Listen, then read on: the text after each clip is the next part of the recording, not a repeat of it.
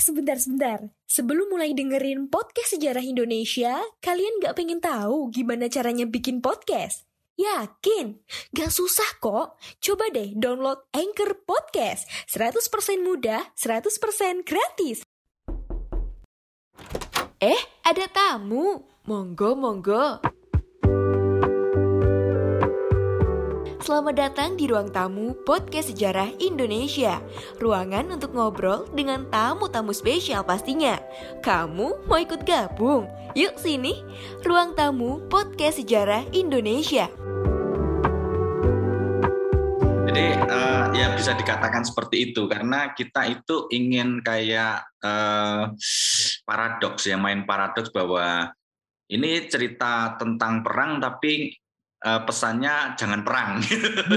itu itu yang jadi yang kita mau sebenarnya mau kita sampaikan itu masalah kemudian penonton uh, berpersepsi atau penerimaan penonton berbeda-beda itu hal yang sangat wajar. Dan saya senang sekali dengan dan terbuka dengan sekali dengan kritik ya. Bahkan dulu dari Surabaya itu itu keras sekali mengkritik tentang itu. Karena saya saya, saya sadar saya paham bahwa saya hanya saya hanya berpikir gini, oke okay, tingkat pemahamanmu berarti hanya sampai naratif gitu. Ya. Artinya eh, apa namanya eh, ketika eh, kita membuat sebuah film selalu dikaitkan dengan narasi dari eh, terjebak ke dalam narasi apa yang sudah ditulis di buku-buku sejarah. Padahal di dalam sebuah film itu kita bisa eh, me me melakukan eksplorasi di luar naratif dari dari sebuah film. Artinya di situ ada uh, visual, ada pesan-pesan uh, namanya metafora dan sebagainya. Artinya misalnya saya menggambarkan bukitnya keras. Jadi eh di Surabaya emang ada bukit, ada gunung dan sebagainya. saya melakukan sebuah yang namanya metafora metafora. Jadi ada pesan-pesan tersembunyi yang secara nggak sadar itu di, diterima oleh penonton yang menjadi basic ingatan mereka. Ini memang prosesnya panjang lah. Jadi saya sampai membuat semacam eh, diagram ya untuk hmm. menghubungkan karakter-karakter, kemudian pertemuan tokoh, ngukur jarak dan sebagainya. Logik enggak ya ini dia jalan dari dari rumahnya di daerah jalan apa itu saya lupa, terus sampai ke kota kira-kira berapa lama wajar enggak di film itu saya hitung gitu. Sampai akhirnya alhamdulillah film ini sangat diapresiasi ketika kemudian kita ikutkan ke festival luar negeri. Bahkan hmm. ada yang sampai dari Universitas Leiden dan ah, itu hmm. melakukan penelitian. Nanti suatu saat perlu dicek mas, namanya Arnold Alps itu melakukan penelitian tentang eh, apa namanya film Battle of Surabaya melalui karakternya itu. Jadi dia datang langsung tuh dari dari Amsterdam, eh, kemudian Eh, wawancara saya karena karena untuk program doktornya dia. Jadi untuk program PhD dia mengupas uh, film Battle of Surabaya. Jadi tidak secara khusus film Battle of Surabaya tapi nasionalisme di dalam sebuah film sejarah gitu. Dia temanya gitu. hmm. gitu. Itu seru itu Mas. Sampai sekarang bahkan film ini banyak dijadikan kajian-kajian dari berbagai aspek ya karena ya. Uh, memang apa namanya pendekatan cerita dan kemudian teknologi yang digunakan untuk uh, membuat film tersebut gitu. Iya, berarti habis ini saya harus sekolah lagi dan ngangkat Badak Surabaya jadi laporan akhir. ya. Terus yang menarik gini mas tadi kan kalau dulu berarti udah ada netizen ya mas kayak gitu bikin anime, wah ini nggak mirip ini, ini nggak mirip itu, itu udah ada dari dulu ada. berarti. Ada. Terus yang menarik ini adalah di ketika saya nonton filmnya itu ada tokoh justru yang kayak menjadi core ataupun inti kunci dari dari film ini itu ada salah satu tokoh ya. Salah satu tokohnya itu tokoh Jepang ya namanya Tuan Yoshimura kalau nggak salah ya. Kenapa harus menghadirkan tokoh orang Jepang? Apakah karena memang animator animatornya senang Jepang atau memang ya kalau misalkan dirunut dari revolusi yang terjadi di Indonesia sih ada ada juga ya bahas tentang Jepang itu. Gimana mas cerita kok ada Tuan Yoshimura terus nanti sampai anaknya di terakhir putus udah ketemu sama Musa kayak gitu itu itu emang opsional dari awal atau gimana?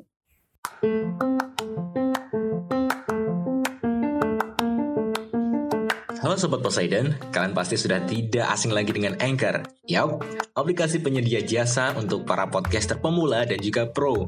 Buat kalian yang pengen mulai nge-podcast, langsung download aja Anchor di App Store ataupun di Play Store. Di sana, kalian bisa nge-podcast dengan banyak banget pilihan background musik. Setelah itu, kalian bisa mempromosikan podcast kalian ke mana pun. Secara otomatis, nanti akan di-sharekan oleh Anchor sendiri. So, tunggu apa lagi? Cus, nge-podcast bareng Anchor. Ya, jadi di dalam film Battle Surabaya itu saya perlu membuat sebuah representasi dari sebuah negara. Hmm. Karena film ini memang karena tematiknya adalah uh, konflik antar negara, makanya saya membuat uh, atau menciptakan karakter-karakter yang mewakili negara-negara yang berkonflik.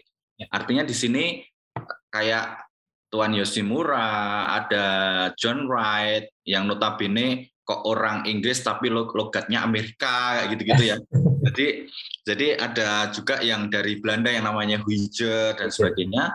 Itu saya buat ceritanya bahwa mereka ini hanya uh, orang yang setia terhadap negaranya sendiri gitu. Hmm. Itu yang saya akan kaitkan dengan there is no glory in war. Jadi uh, mereka ini hanya menjalankan tugas bagi negaranya. Soekarno pahlawan bagi Indonesia, tapi musuh besar bagi katakanlah bagi negara-negara penjajah gitu. Wah, itu nah, yang dinamakan paradoks itu tadi ya. Main ya, paradoks. jadi misalnya kayak kita ngomongin Malabi, ngomongin hmm. siapa ya, ya eh, penjajah-penjajah lah yang yang dulu eh, mereka pahlawan di negaranya, tapi di negara kita dia penjahat gitu. Ah, nah, ah, ah, artinya saya mencoba di film ini untuk membuat uh, agar penonton itu mem mempunyai perspektif yang berbeda terhadap penjajah dan negara yang dijajah gitu. Pada prinsipnya orangnya itu hanya pelaksanaan dari sebuah politik atau dari uh, korban dari kekuasaan-kekuasaan yang memang di dalamnya ada unsur-unsur politik di situ. Nah, di di sinilah saya menciptakan karakter-karakter di mana Jepang kok baik gitu loh. Ah. Tapi Jepang yang jahat karena ada Kazuhiro. Ya. Kazuhiro ya. mempelopori kipas hitam tapi itu kan Jepang jahat gitu. Nah, dalam artian di sini Blue John Wright kok kok kemudian dipilih uh, menjadi musuh tapi di ending cerita dia akhirnya respect terhadap Musa, Musa. karena Musa yang seperti itu.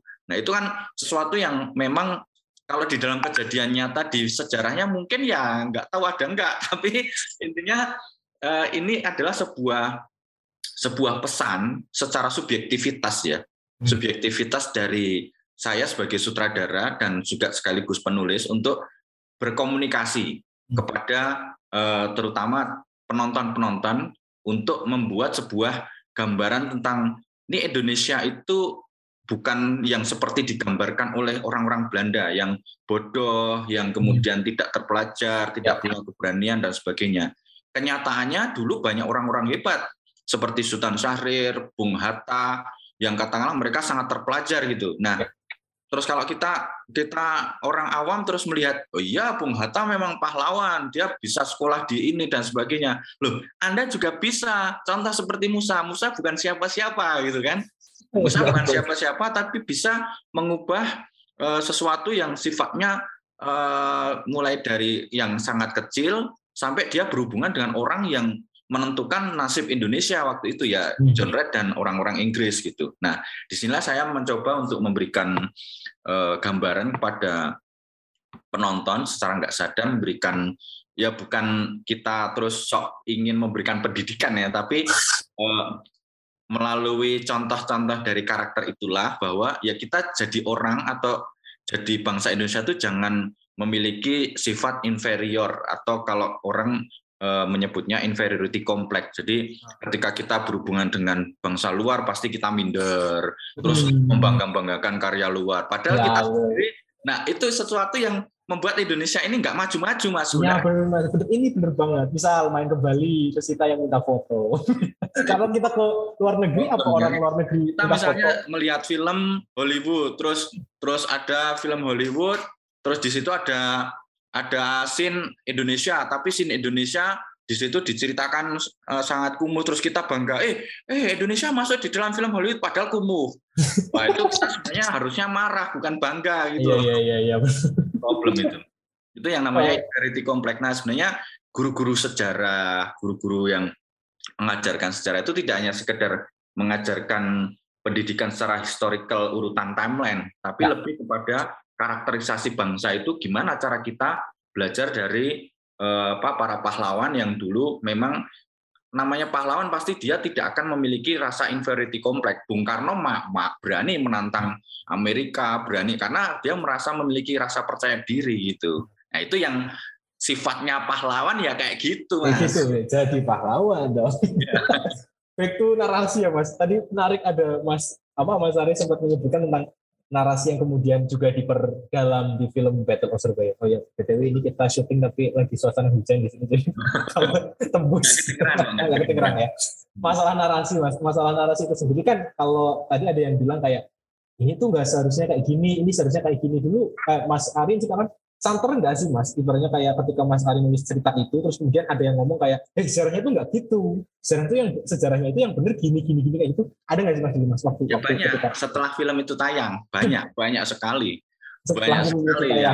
Bahwa misalnya kritikan-kritikan yang uh, secara langsung maupun istilahnya melalui tulisan-tulisan gitu. Jadi ada kritikus-kritikus yang uh, apa namanya ibaratnya yang masih terjebak dengan unsur-unsur naratif itu um, rekonstruksi. Jadi rekonstruksi sejarah. Padahal kita di sini tidak hanya sekedar rekonstruksi jadi rekonstruksinya sebenarnya lebih lebih lebih uh, tidak dominan. Dalam hal ini saya lebih ingin uh, menuju kepada uh, pembangunan karakter. Jadi bukan bukan rekonstruksi timeline sebuah sejarah terus kayak semi dokumenter yang menceritakan ya. urutan itu tidak, tapi di dalam film ini lebih kepada bagaimana sih kita bersikap terhadap eh, apa peristiwa masa lalu begitu. Nah, itu sebenarnya yang ingin saya sampaikan di sini.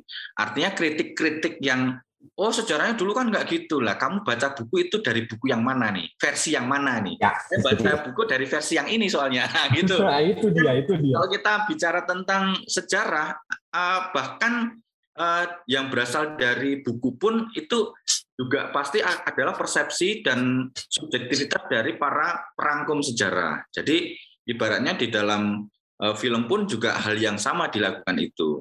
Nah, tapi ada memang kutub-kutub dari ahli-ahli sejarah yang konservatif itu mengatakan bahwa film-film sejarah itu mendistorsi yaitu tergantung dari sudut pandangnya. Kalau itu dianggap mendistorsi, ya artinya si ahli-ahli sejarah ini tidak berpikiran luas karena sebenarnya distorsi dari sebuah film itu lebih kepada menjelaskan unsur-unsur sinematik dan unsur-unsur uh, pesan moral yang ingin disampaikan. Tapi ketika kita bicara tentang oh ini film yang memang ditujukan untuk menggambarkan uh, apa sebuah peristiwa realitas bahkan di dalam film dokumenter pun pasti ada rekayasa dramatiknya. Nah. Kalau yang benar-benar real realita ya berarti siaran anu mas uh, warta berita yang sifat real time itu itu pasti istilahnya ya sesuai dengan adanya. Itu pun masih mungkin dari sudut pandang mana? Dari sudut pandang kalau zaman dulu dari sudut pandang politiknya Pak Jokowi apa Pak siapa? SBY lah nah, atau SBY siapa? atau dan sebagainya gitu loh. Uh. Jadi ya kalau kita bicara sejarah ya betul-betul sangat relatif. Tapi ya. paling tidak ada alternatif-alternatif pilihan bagi para masyarakat atau audiens atau pembaca itu bisa membuat perbandingan-perbandingan gitu. Karena memang pesan dari film ini tuh tajam banget, tajam dalam artian kayak kita tuh apa born in peace gitu kayak menyampaikan pesan-pesan kedamaian gitu kan mas. Maksudnya dalam artian kayak ya saya juga mengakui mas karena memang saya juga setiap harinya mengkonsumsi buku-buku teks sejarah gitu kan. Kemudian ketika saya baca memang ketika dulu sempat apa ya namanya ya kayak in-house training sama dosen-dosen dan yang lainnya terus kita ngobrol dan yang lainnya dosen saya sempat bilang kayak gini sejarah Indonesia itu memang kebanyakan memberikan gambaran tentang kebencian gitu mas. Apalagi tentang perangnya itu dan yang lainnya. Itu kan juga diakibatkan karena perspektif itu tadi gitu orang ini nggak mungkin bilang dia itu baik tapi orang itu nanti dibilang baik sama yang lainnya gitu. Nah yang sering muncul di Indonesia apalagi pembelajaran itu kadang seringnya kayak gitu gitu. Dan ya.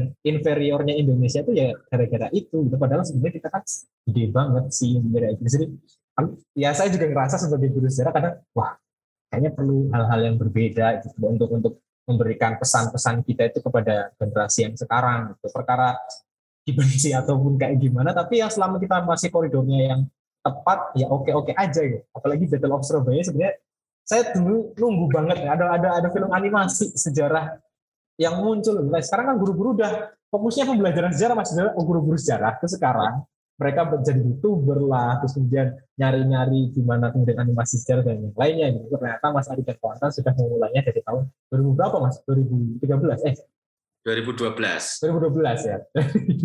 Dari tahun 2012 ini kan satu hal yang luar biasa banget.